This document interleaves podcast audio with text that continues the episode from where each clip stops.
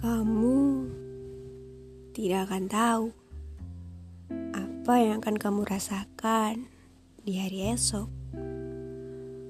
Mungkin besok, saat kamu bangun tidur, kamu ingin menemuinya.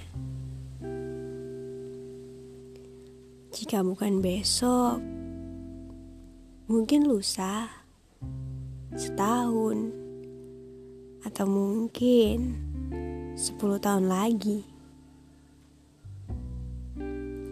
Karena selama kita masih hidup, berbagai hal bisa saja terjadi.